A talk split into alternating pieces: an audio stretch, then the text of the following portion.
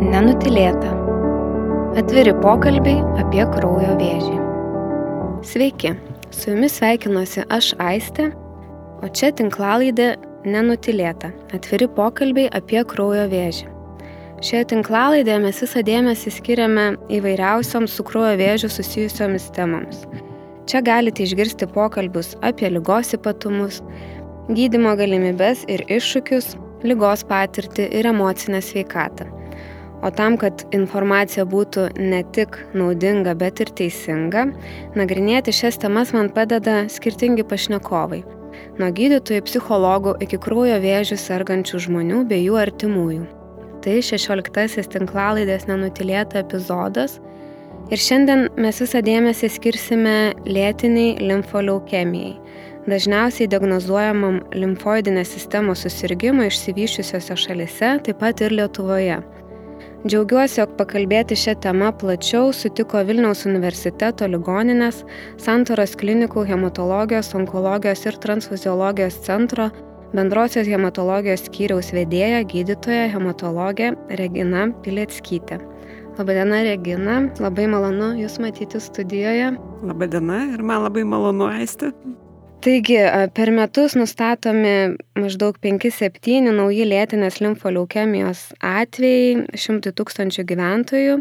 Lietuvoje irgi panašiai, kasmet nustatoma apie 6-7 e, atvejus 100 tūkstančių gyventojų. Taigi, e, laikoma, kad lėtinė limfoleukemija yra diagnozuojama apie 160-180 naujų pacientų per metus.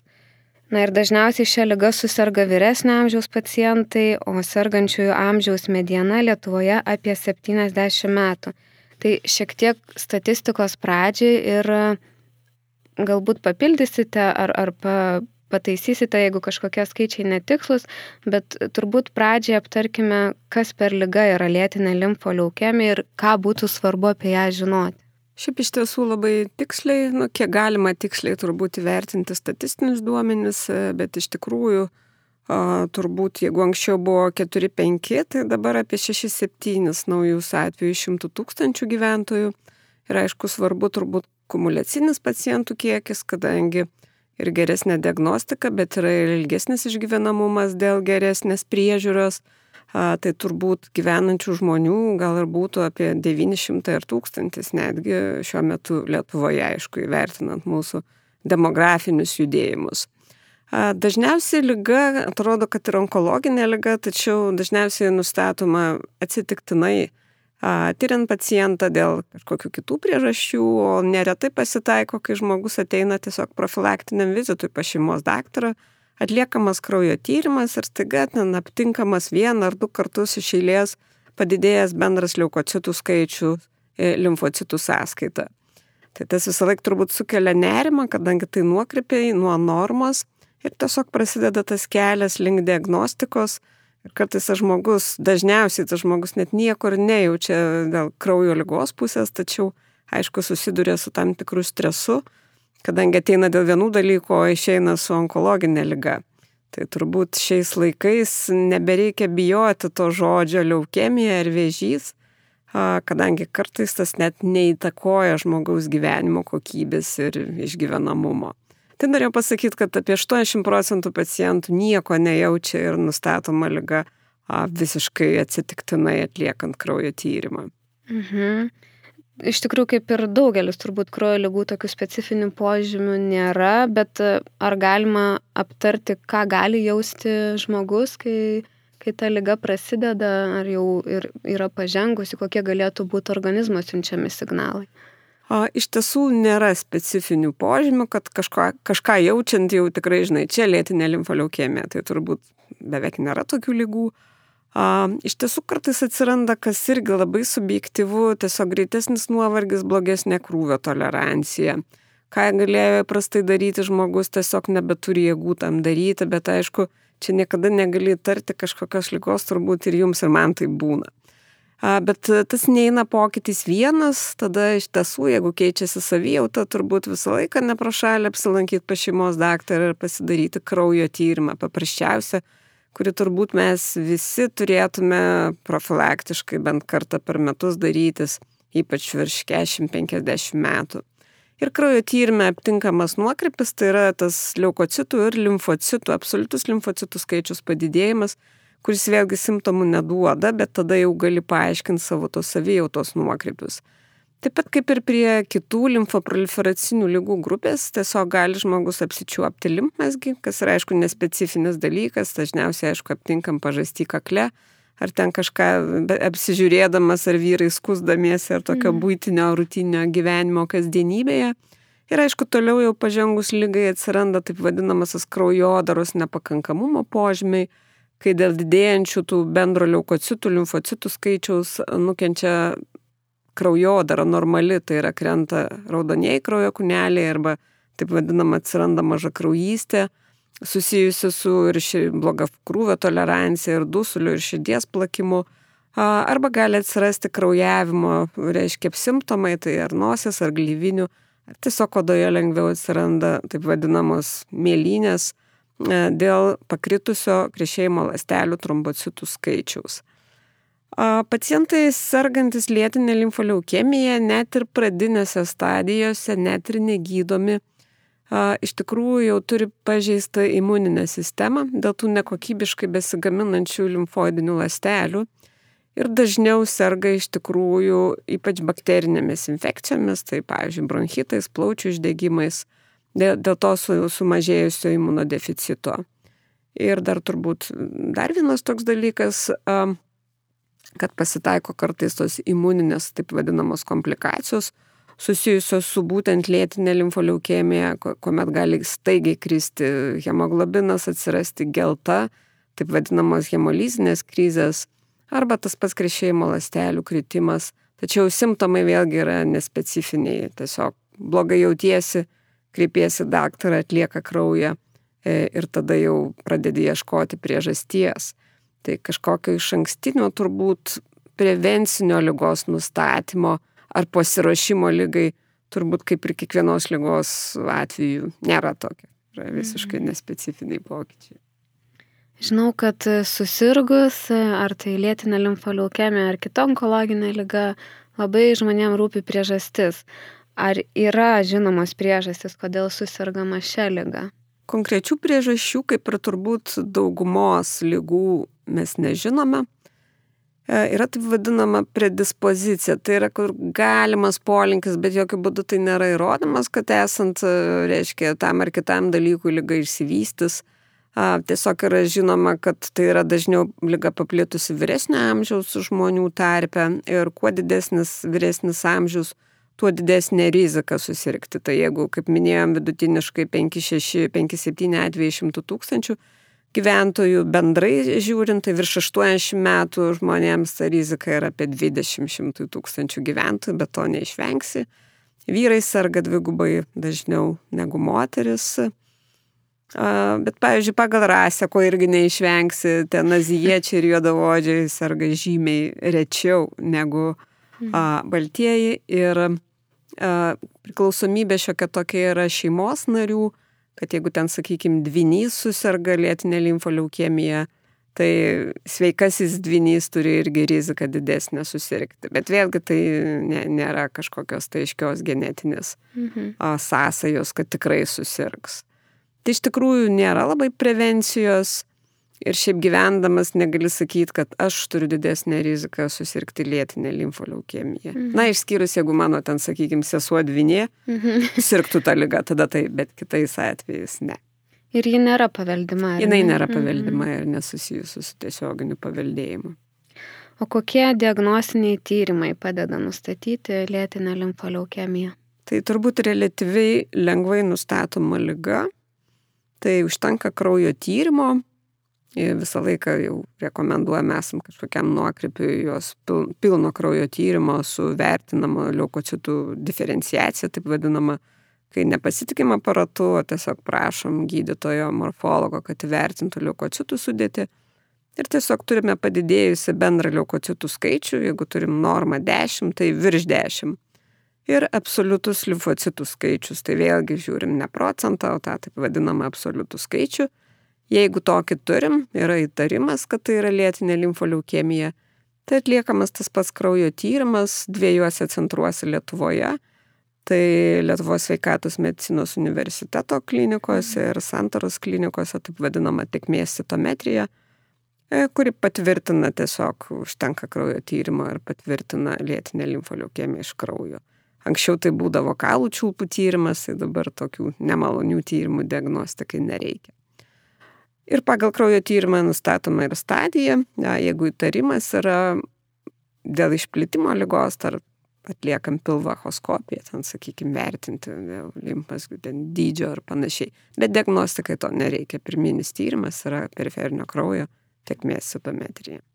Užsiminėte apie stadijas kiek jų yra ir ką jos sako mums. Penkios yra stadijos, tai turbūt netradiciškai, pirmoji yra nulinė stadija. A, šiaip dabar ten truputį modifikuojamos, gal jos suredukuojamos iki trijų, bet kol kas dar kaip ir naudojam tas seną tokią klasifikaciją, jau turbūt 50 metų senumo.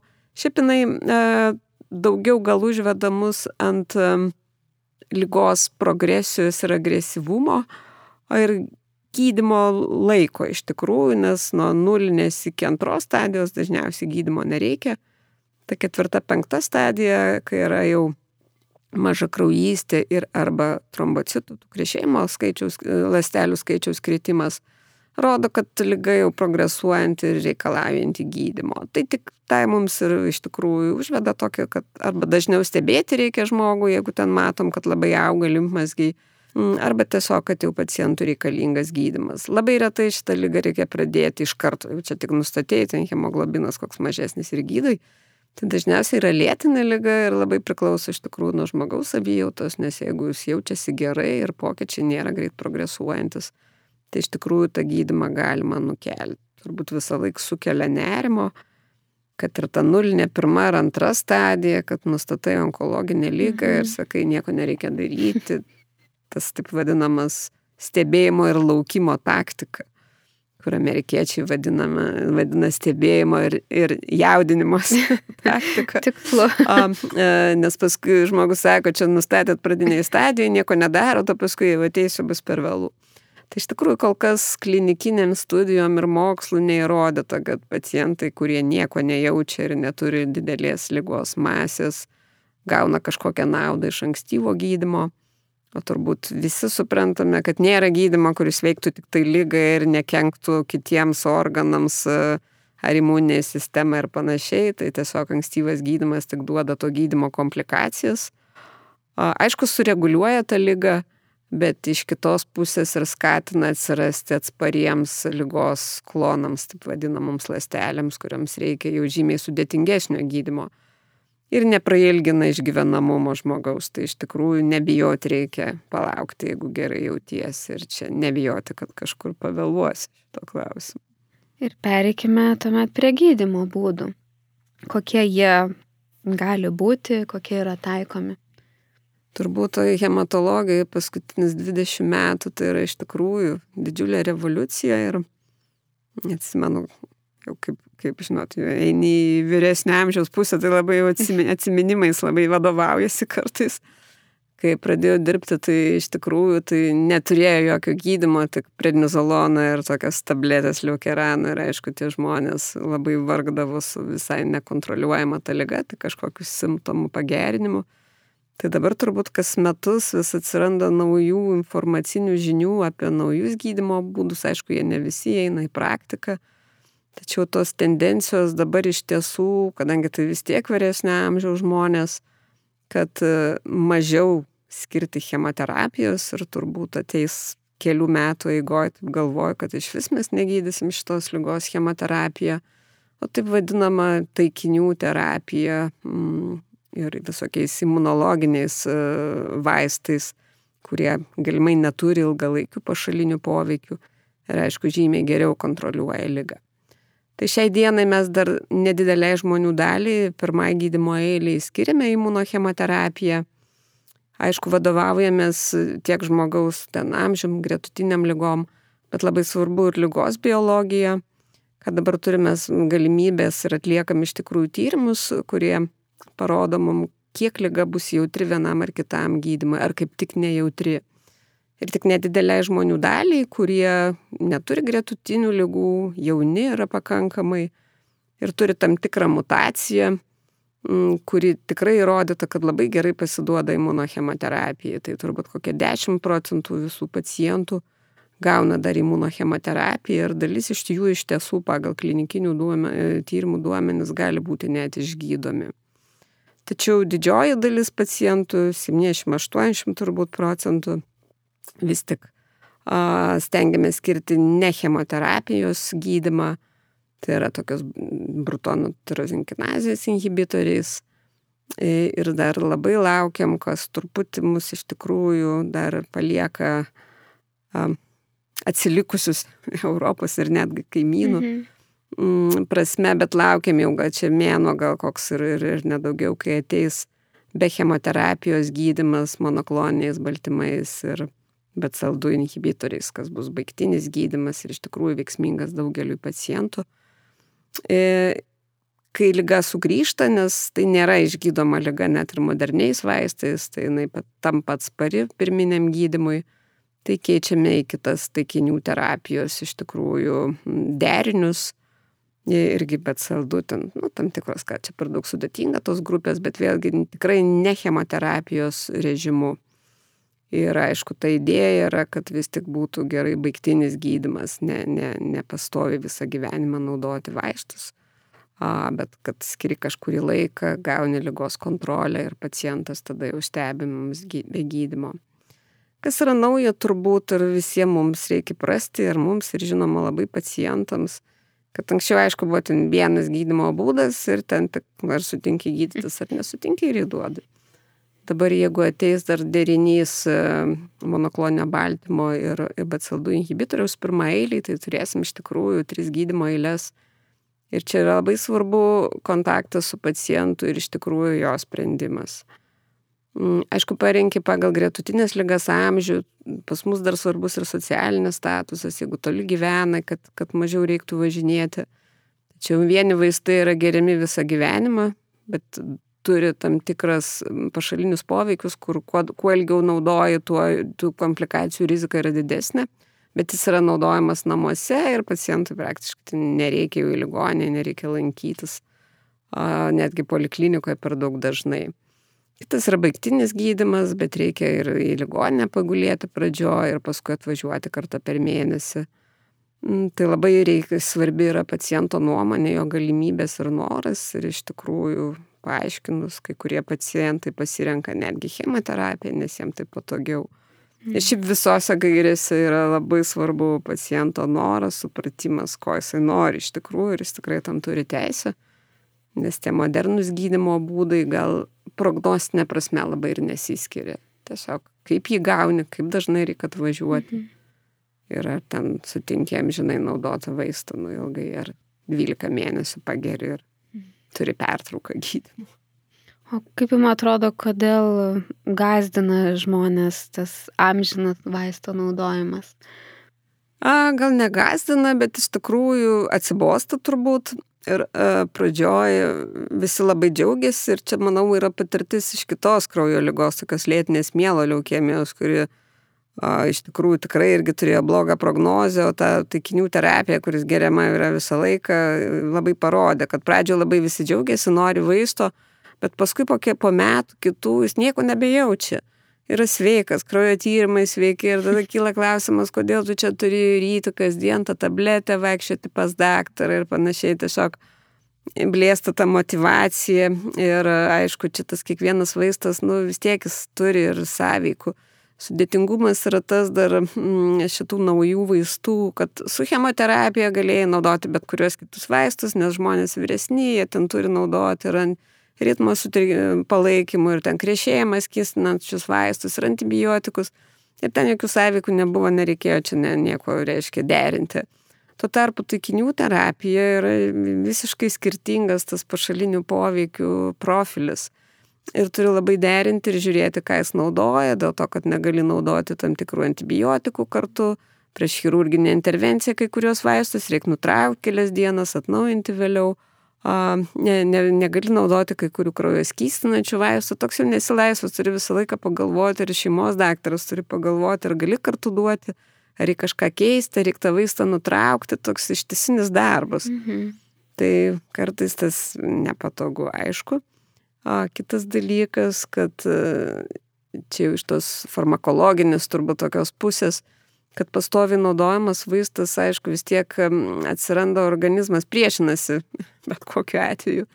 Ir ištisinis vaistų naudojimas turbūt paskatina ir atsiranda kažkokių mutacijų, taip vadinamų jau lygos klono pokyčių, kurie pasidaro atsparus tam vaistui.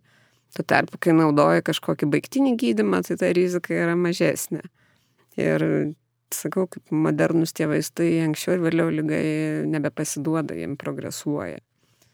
A, tai visada yra patogiau žinoti, kad čia po kurio laiko aš jau baigsiu gydimą ir gal galėsiu trumpam, kuriam laikui pamiršti tą lygą. Mhm. O kodėl pacientam svarbu domėtis lygos gydimo būdais ir siektinų rezultatų? Dabar jie turi turėti savo nuomonę, kaip minėjau.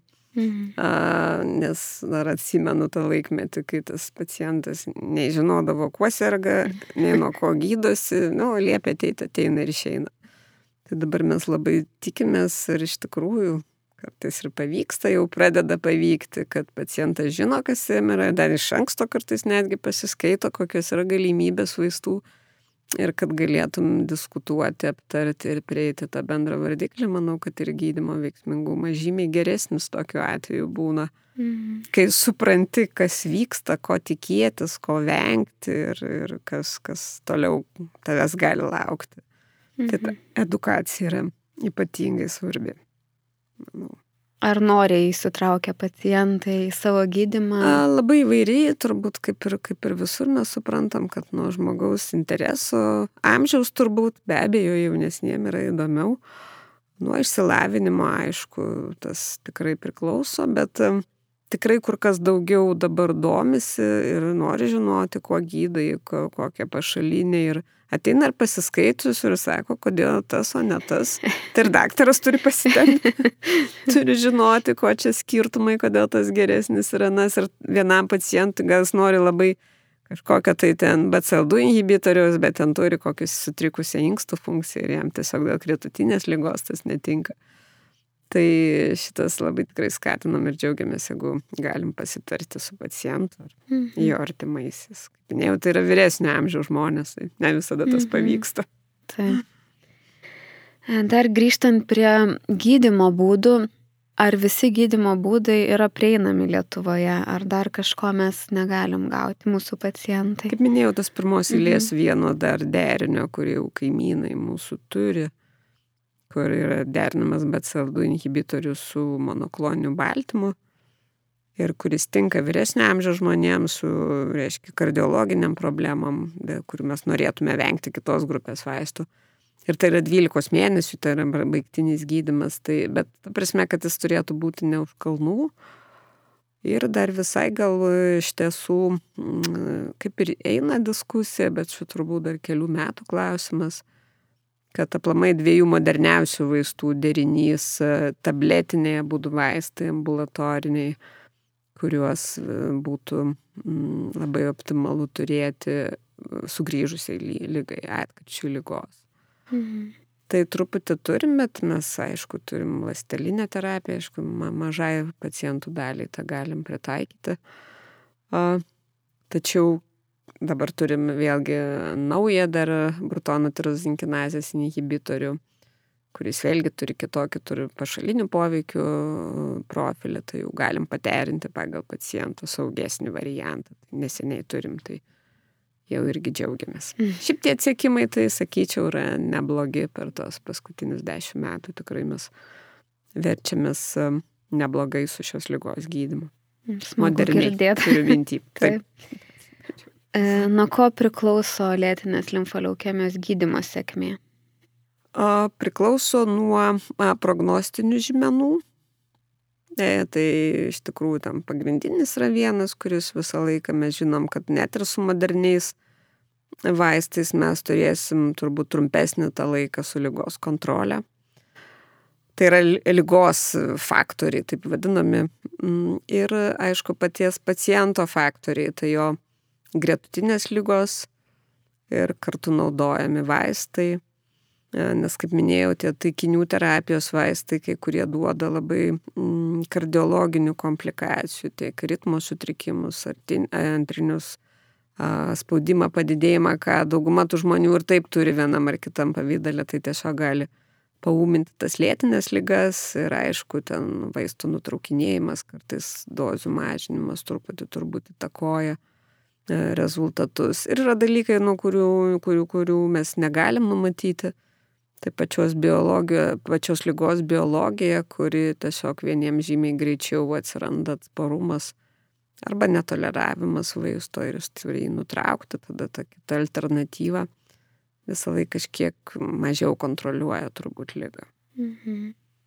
Bet e, yra žmonių, kur turbūt naudoja dešimtmečiais vaistus. E, kalbant apie šią lygą, ar dažnai tenka keisti gydimo taktiką ir kodėl taip atsitinka? Kas tuomet svarbu, kai, kai tenka keisti gydimo taktiką? O, svarbu dėl ko turime keisti gydimo taktiką. Nes, kaip minėjau, yra žmonių, kurie mm, turi pašalinius poveikius ir dėl tų pašalinių poveikių turi, tiesiog netoleruoja mhm. A, tai jį tada keitė arba į tos pačios grupės vaistą, kuris yra saugesnis, arba jau turi pasirinkti kitos, reiškia, grupės vaistus, kurie neturi kryžminio toksiškumo. Tokiu atveju prognozija yra geresnė dėl to, kad tiesiog lyga nėra atspari gydimui, o pats jau gretutinės lygos ar ten kažkokiu, reiškia, organų disfunkcija mums neleidžia tęsti. Tačiau jeigu yra jau progresija taikinių terapijos fone, tai visą laiką turi įvertinti, ypač jeigu tas gydimo trukmė jau yra keli metai, tai ne pirmi mėnesiai, o keli metai, tai visą laiką įvertinti turi, kadangi ši lyga neperina į ūminę leukemiją, bet iki 5-7 procentų atvejų jį gali pereiti į kitą lygą, taip vadinamą agresyvę limfomą. Ir kai nepasiduoda lėtiniam gydimui, tai reikia visą laiką nu, atlikti diagnostinius tyrimus, įrodančius, ar lyga nepakeitė savo veido, nes tada jau keičiasi visiškai gydimas. Aišku, yra, yra kai keiti ir, ir pirmą, ir antrą, ir trečią kartą. Tai priklauso, aišku, ar atsirado kažkokios agresyvios mutacijos lygos biologijoje ir ar paciento būklė leidžia agresyvinti tą gydimą. Mhm. Užsiminėte dar ir apie diagnostinius tyrimus, norėtųsi akcentuoti turbūt jų svarbą, kodėl jie yra daromi, kuo jie tokie reikšmingi. Molekuliniai prognostiniai žymeniai turite turi omeny, mhm. tai šiaip juos atliekama prieš pirmos eilės gydimą, ne diagnostikos metu, nes apie trečdalis pacientų iš tikrųjų su lėtinė limfoleukemija, va čia ir parodo tą tokį heterogeniškumą tas lygos kad trečdalį pacientų atsito onkologinė lyga, bet jos niekada nereikia gydyti, nes neprogresuoja tiek, kiek reikėtų gydimo ir jis tiesiog gyvena su tais leukocitais, nieko mhm. nejausdamas, turi kitų problemų turbūt. e, tai dėl to tikrai jų nereikia gydimo. Tačiau, mm, kada jau ateina laikas gydyti, a, tai imam iš tikrųjų du pagrindiniai yra kriterijai, ten jų daugybė yra, bet šiame etape turbūt klinikiniai praktikoje neįrodyta, kad jie, reiškia, įtakotų mum gydymo parinkimą, nes kas iš to, kad žinai prognostiniai faktorių, ten gal žinai, kad blogai, bet vis tiek nieko negali padaryti, tai gal geriau nežinoti. A, tai yra sunkių grandinių mutacijų statusas, kuris yra nekintamas, vieną kartą gyvenime nustatai ir jisai mutuotas ten ar nemutuotas, čia gal sunkiai a, skambės, bet sunkių grandinių mutuotas statusas yra vienas iš gerosios prognozės žymenų kur, kaip minėjau, jauniems žmonėms imunochemoterapija gali iš tikrųjų dalį pacientų, pusę pacientų, ko gero išgydyti, dar nieks to nedrįsta sakyti, bet po dešimties metų stebėjimo apie 50 procentų pacientų neprogresuoja. Nemutuotas statusas rodo, kad su chemoterapija išgyvenamumas be lygos, tai taip vadinama remisija, bus žymiai trumpesnė - 3-4 metai ir tuomet stengiamės vis tik parinkti jau pirmą eilį taikinių terapiją, su kuria prognozija yra geresnė. Ir kitas tas jau toks jau pats seniausias ir rimčiausias prognostinis žymuo, susidedantis iš dviejų dalių, Tai yra ten tokios 17 chromosomos delecija arba iškritimas ir TP53 geno mutacija. Jie rodo tą patį, bet tai yra skirtingi tyrimai. Dažniausiai būna kartu ir delecija, ir mutacija. Apie 20 procentų būna po vieną iš jų. Bet ir po vieną jie rodo tam tikrą, nu, tokią neigiamą, sakykime, prognozę. Ir tikrai šie pacientai, kurie turi 17 delecija ar mutaciją, imunochemoterapija net nediskutuotina, jinai yra neveiksminga. Ta prasme veiksminga, bet labai trumpas tas išgyvenamumas be lygos, tai būtų neetiška skirti. Ir iš tiesų skiri jau pirmą eilį taikinių terapiją tik tai. Bet net ir su moderniausiu gydimu jų išgyvenamumas be lygos yra gerokai trumpesnis negu tų, kurie neturi tos mutacijos. Tai tiesiog visada žinai, kad skiriant gydimą turbūt e, po kokių trijų metų apie 50 procentų atvejų progresuoja. Mhm. Bet nebūtinai. Yra tokių, kur gyvena su taikinių terapijos keitimais. Viena ponė, žinau, apie 12 metų. Dar iš Kauno į Vilnių atvažiuoja visiškai pati. Dar kalbant apie gydimo režimą, kuomet tenka ilgai gerti tabletes kiekvieną dieną, galbūt tam tikrų metų, kodėl yra svarbu laikytis to gydimo režimo, kaip nepamesti tos motivacijos, gal jūs kažkokių turit ir praktinių patarimų, kurie padeda žmonėm laiku prisiminti, išgerti vaistus, išlikti motivuotam. Nu, turbūt čia patarimo labai nėra kadangi jų dauguma geria ir dar kažkokius vaistus. Bet šiaip iš tikrųjų su lėtinė limfoleukemija, mm, kiek vat ir su kolegom Europos jau profesoriais diskutavom, kad su lėtinė limfoleukemija kažkaip to negerimo tokio fakto gal nėra problema, kaip su anksčiau minėta kraujo mhm. lyga. Gal mm, dėl to, kad tai yra vyresni žmonės, kurie ir taip turi visokių vaistų ir jau įpratę turėti dėžutę su skirstytais vaistais, Tuo tarpu lėtinės mėlo leukemijos turbūt tas kontingentas yra jaunesni žmonės, kurie labiau užsiemė ir ten tikrai nenori tos tabletės gerti. E, tai šiaip turbūt nebuvo susidūrę, kad labai jau ten pamiršta ir dėl to pamiršimo matai, kad labai nukenčia gydimas iš tiesų.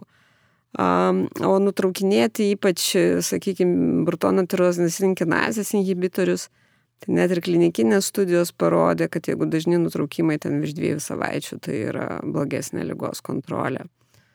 A, tai kažkaip aš manau, kad atsimenu su mm, BCL2 inhibitoriais mes turim tokį projektą turbūt, a, kur koordinatorius pradedantiems pacientams paskambina ir primena, ar išgėrė, ar atsimena, ar žino kokią dozę, nes ten reikia didė, didintas dozes kas savaitę, kartais ten gal panašiai atrodo. Ir kiek žinau, tie pacientai visai džiaugiasi šitais skambučiais, ypač tą pirmus kokius tris mėnesius, kol jau įeini į vėžės. A, bet čia iš tikrųjų tik tai tuos vienus vaistus liečia, kadangi jie geriami pastoviai, mm, bet saldų inhibitoriai geriami du metus, tai jau čia bent jau žinai, kad kažkada turbūt pabaigsi tą gydimą. Bet šiaip ne, nebuvo taip, kad skūstusi, kad jau gal čia man užtenka gerti, jau nebenoriu. turbūt žino, nes kelias buvo ilgas ir čia kartais ir laukti ilgai reikėjo ir visakėm, toj to jau kompensuos. Tai, mm. tai tie, kur anksčiau pradėjo, žino, kad čia netai paprasta tą efektyvų vaistą gerti. Tai su džiaugsmu tai va, turbūt. Tai taip, taip, su džiaugsmu. Supratau. O su kokiamis baimėmis dažniausiai susiduria jūsų pacientai, jeigu prasitarė apie tai? A, ką daryti, kai turbūt neveiks? Bet e, kadangi dažniausiai vis pabrėžia, kad tai yra lėtinė lyga ir su ją žmonės gyvena ilgai, a, tai turbūt nespėjęs turi, turi pasakyti poliklinikos daktarui išsakyti baimių. Tikriausiai dėl trumpo laiko tarp ir trumpo to kontakto. Tai turbūt baisu yra, kad ką darys, kad e, kiek čia mhm. truks tas gydimas, ar ką darysiu, jeigu progresuos lyga. Ar tai nepersiduos vaikams, ten yra nūkams, tai visada ir susirūpinimas šeima yra iš tiesų. Ir aišku, kartais yra problemos, kadangi ne, ne visada ir ne visiems jie lengvai toleruojami. Mhm. Tai kartais ten raumenų sanarių skausmai ir bėrimai ir viduriavimai būna. Tai irgi kyla klausimas, kaip naudosiu, ar galėsiu naudoti ir ką darysiu, jeigu aš negalėsiu jo naudoti. Mhm. Tai turbūt kaip ir su, su to lėtiniu gydimu klausimų kyla. Taip. O ką patartumėt e, čia kalbant ir apie baimės ir turbūt e, apskritai, va, žmogus šiandien gavo diagnozę lėtinę limfoliaukemiją ir aišku, ir išgastis, ir, ir, ir panika gali būti, ir daugybė minčių. Koks būtų jūsų patarimas? Panika ir baisumas visą laiką tiem, kurie supranta, kas tai yra, nes vis tik ta leukemija jau turbūt daugumoje žino, kad tai nėra geras dalykas. Ir dažniausiai, sakau, trečdalis, aišku, jau patenka tiesiai ten sunkios būklės ar jau su reikalavimu gydytis, poreikiu gydytis, bet kiti, kitiem tai būna, kaip sakant, perkūnas iš gėtrų dangaus. A, tai visą laiką bandai nuraminti, kad tai yra vis tik lėtinė lyga, kad tam tikra prasme turbūt kolegos neįsižeis pacientai su po kokio infarkto ar su sunkiu diabetu turbūt žymiai sudėtingiau ir sunkiau gyvena negu pacientas su gerai kontroliuojama piktybinė kraujo lyga. Ir kad tam tikrais atvejais žmonės gyvena tiek, kiek ir žmonės neturintis tos lygos, ypač tiem, kuriem nereikia gydimo.